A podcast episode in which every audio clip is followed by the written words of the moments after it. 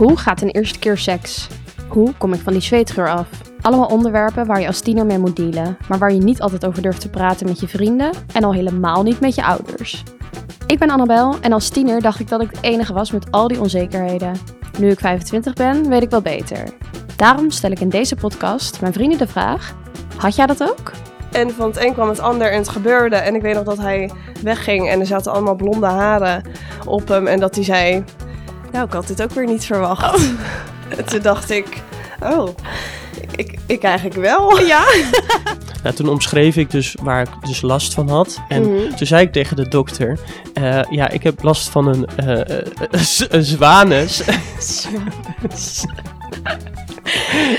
een, een zweetanus. Ik geef jullie de mogelijkheid om die gesprekken met mijn vrienden af te luisteren. Alleen jij en je koptelefoon horen de meest gênante of kwetsbare verhalen van twintigers over tiener zijn. Natuurlijk komen jullie zelf ook aan het woord. Ik maak me altijd zorgen dat ik zweet, omdat dat heb ik wel vaker. En dan ben ik bang dat mensen vinden dat ik stink of zo. Mensen van onze leeftijd willen, willen wel seks en zo. Wat doe je stiekem? Eh wiet roken, drinken. Seks. En ik vraag een dokter hoe het nou allemaal zit. Als je echt beschermd wil zijn tegen SOA's, dan moet je of geen seks hebben. Daar is het veel te leuk voor, dus dat willen we niet. Ja, daar is het veel te leuk voor. Of een condoom gebruiken. En vertrouw nooit de man of vrouw die zegt, ik ga alleen met jou. Want ik heb echt in de praktijk gezien dat dat vaak, nou ja, dat dat niet altijd klopt.